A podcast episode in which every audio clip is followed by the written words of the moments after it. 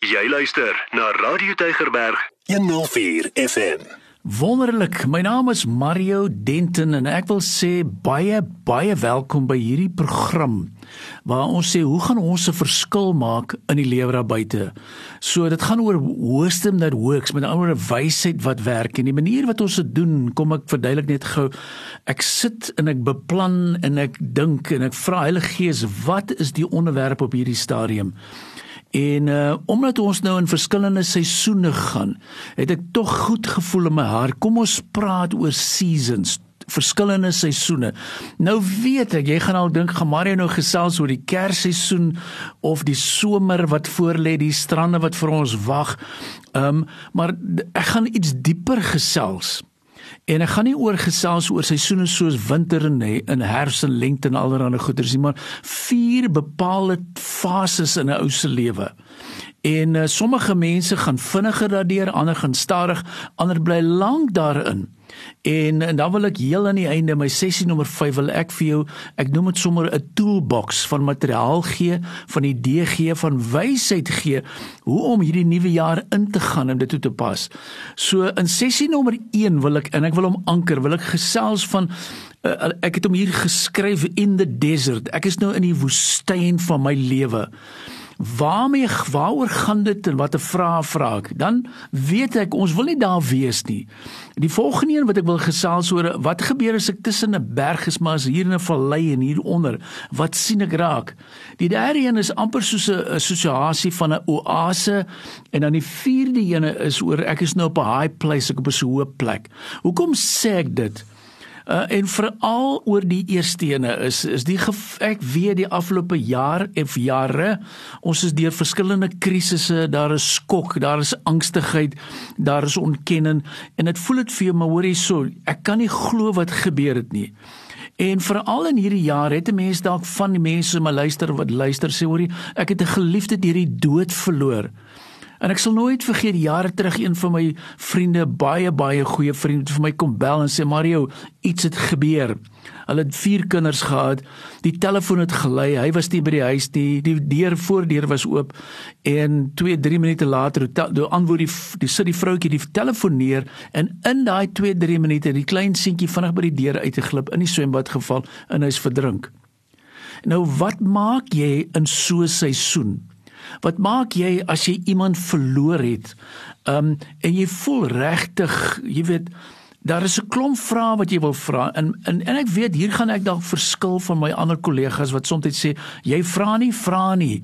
Jy aanvaar net dit. Jy sê net dis oukei. Okay. En en wat ek besluit het ek het 'n uitdeelstuk voorberei. Ehm um, wat ek bitter graag en ek sê sommer bitter graag wil uitdeel wil uitstuur wat sê gaan doen 'n studie van hierdie onderwerp want veral die vraag wat jy vra as ek in 'n woestyn is is hoe lyk dit? En dan die manier wat ek gedoen het jy skryf jou storie in. Op bladsy 1 het ek dit so geontwerp. Jy skryf jou storie in en dan gaan jy deur hierdie vrae. Met ander woorde persone wat soms vir jou wil vra is does god really hear my prayers? Ek bid en ek bid en ek bid maar ek wonder of hy my gebed hoor Ehm um, of jy kry mense wat sê, jy weet, maar verstaan jy nie waartoe jy gaan nie? Dit is maar deel van jou lewe. Jy moet maar nog bly daar. Jy moet nog groei in hierdie in hierdie desert season of your life. En ek dink baie maal bedoel ons dalk reg, maar is so dis maak amper meer seer as iets anderste. Ehm um, of 'n persoon sê vir my, jy weet, in hierdie woestynfase is my moeilik om te hoor wat is God se stem. Ek ek kan nie ook die mense sommer net vertrou nie. En dan hoor ek baie maal in hierdie gedeelte wat mense sê, is it wrong to ask God why am I suffering? Maar baie mense nee, maar ek kan mos nie dit vra nie. As ek gaan kyk en luister na die stelling Job ask God why he was suffering. David ask God why had been abandoned him. En dan praat hy van jy kan al hierdie versoeke bring. En ek dink dis waar die fout lê dat ons in die verskillende seisoene nie weet hoe om dit te hanteer nie. Ons weet ook nie hoe wat die beste maniere is nie. En nou het ons sukkel ons, ons vra vra en ons sukkel en dan veral wat baie maal gebeur ook in 'n seisoen soos hierdie is baie maal die ou sê met ehm um, ek ek ervaar neerslagtigheid. En ek weet jy luister na my en sê maar hoorie dis so naby hierdie tyd van die jaar moet jy nog steeds of nee moet jy daaroor gesels ek dink is so belangrik dat ons ons mense goed voorberei hoe om hierdie situasies te hanteer. En dan weet ek wat mense sê, maar is daar voorbeelde van soos depressie ook in die Bybel? En kyk wat ek gelees het hier. Moses was depressed because his burden was too great.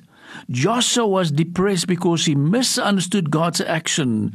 Elijah was so depressed and fearful that he asked God to take his life. Job experienced Job experienced deep depression after experiencing great loss. So wat ons sê, ons lewe in tye dat ek hou daarvan dat mense maar kan vra vra. Ek hou daarvan om te sê maar hoorie, wat moet ek doen in hierdie seisoene? Uh hoe hanteer ek dit? Hoe kry ek raak ek weer suiwer? So die eerste uitdeelstuk is letterlik en ek wil dit hier tel 12 13 bladsye uh wat ek vir die persone wil sê oor die werk daardeur. Um en veral jy weet ons is in oorlogvoering. Hoe fight ek my battles? Um en ek wil weer eens my voorbeeld gebruik waar ek een keer vir 'n groep gesê het please keep on using your emails. En waar 'n persoon vir my gesê het maar daar's nie 'n Engelse woord vir emails nie. Sê ek nee, ek weet dit maar hoor wat ek vir jou sê it's your emails. And to vra vir my is it something that you can download? Is it an app? Is it like a zoom? Dis ek nee jy kan dit aflaai maar dis jou dis wat op jou knieë moet deurbring. Daar is geen verplasing vir dit nie. En ek sê weer eens wat ek al 'n paar keer op hierdie radiostasie gesê prayer is still the most powerful cost effective management tool gebruik dit So mense sit in hierdie eerste seisoen en nou wil ek vir julle sê lekker 4 seisoene. Dit gaan lekker tyd wees van die jaar dat ons daardeur kan gesels, maar dit is moontlik dat 'n persoon sê maar ek het nou 'n breek nodig vir hierdie tyd van die jaar. Ek het werklik hard gewerk. Ek is moeg, ek is ek voel sommer en dan sê ek maar week of 2 later dan is alles nou weer reg. Hy sê nee, jy moet leer om met hierdie goeders deur die deur die jaar te werk. En dan wil ek ook sê baie wil mense vakansie vat net aan die einde van die jaar. Ek sê nee. Ek het die wonderlike voorreg gehad 'n besigheid in 'n organisasie het my genooi vir konsultasie en ons was daar by Aniston en ek het vir hulle gevra kan ek nog 'n dag ekstra kry en ek sit daar aan die see en ek sien daai mooi waters en ek sit net en dink en ek reflekteer want dit is vir my so so so belangrik. So as jy vandag sit en luister en jy sê maar al is dit die einde van die jaar ek is nog steeds nie uit uit hierdie situasie nie. Ek voel nog as ek kyk na wat gebeur in my land en my omstandighede, ek voel dalk vol twyfel. Ek voel dalk swak. Ek voel dalk ek is nie sterk genoeg nie. Ek voel dalk ek weet nie hoe om te fokus nie. Ek dink is juis nou so belangrik dat hy hierdie volgende week of twee farm sê, maar kom ons gaan fokus. Kom ons gaan deur 'n fase van ons eie Thanksgiving. Kom ons gaan toets. Is daar dalk goeters wat my terughou? Is daar dinge wat dalk miskien nog my bitterheid opjaag? Want ons kan mos nie net met hierdie goed voortgaan en voortgaan en voortgaan nie. En nou wil ek net sê as ek dink in die boek van Atomic Habits, waar hy vir jou sê ons moet nie net doelwitte stel nie. Ons moet gaan kyk na die proses en ons moet aan die proses werk. Daar's 'n wonderlike stukkie materiaal geskryf juis oor Atomic Habits En ek sê altyd dis 'n dosent, dis 'n bedryfsielkundige mens moet hierdie goed jy weet voorgeskrewe werk maak. Lees dit deur, lees dit deur en hy vat hom deur 'n eenvoudige proses. Want hoe werk ek deur die verskille? Hoe hanteer ek dit? Wat, wat maak ek? Hoe staan ek op? En dan wat ek gewoonlik doen Uh, en en ek wil vir julle voorstel asseblief kry die leer leesmateriaal want ek begin deur hierdie die manier wat ek dit voorberei het gesê want hierdie is jou storie Skryf jou eie verhale in en dan heel aan die einde het ek vir jou lekker vraelyste gegee. Hoekom 'n vraelys? Want dit meet mos waar jy is jou planne, hoe werk ek deur tawwe tye van my lewe? Hoe kyk ek na my fokusareas? Lekker wonderlike, ek wil sê sommer bonuspunte en bonusvraelyste wat jy kan kry. So vir ons luisteraars, hier kom 'n mooi ding. Maar die eerste ronde is asseblief kry die hele reeks, laai dit af. Die eerste een was net gewees oor I'm in the desert season of my life. Ek wil uitkom. Wat is die volgende ene?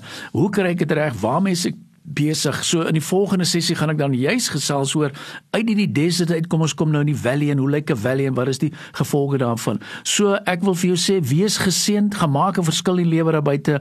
As jy my nommers wil hê, WhatsApp my. Jy luister na my, jy's dalk vakansie in die Kaap 082 88 29903 kom ek herhaal 082 88 29903 stuur dit vir my aan 'n lekker WhatsApp en ek stuur vir jou hierdie eerste lesentjie aan. Gemaak 'n verskil in die lewe daar buite. Die Here seën jou.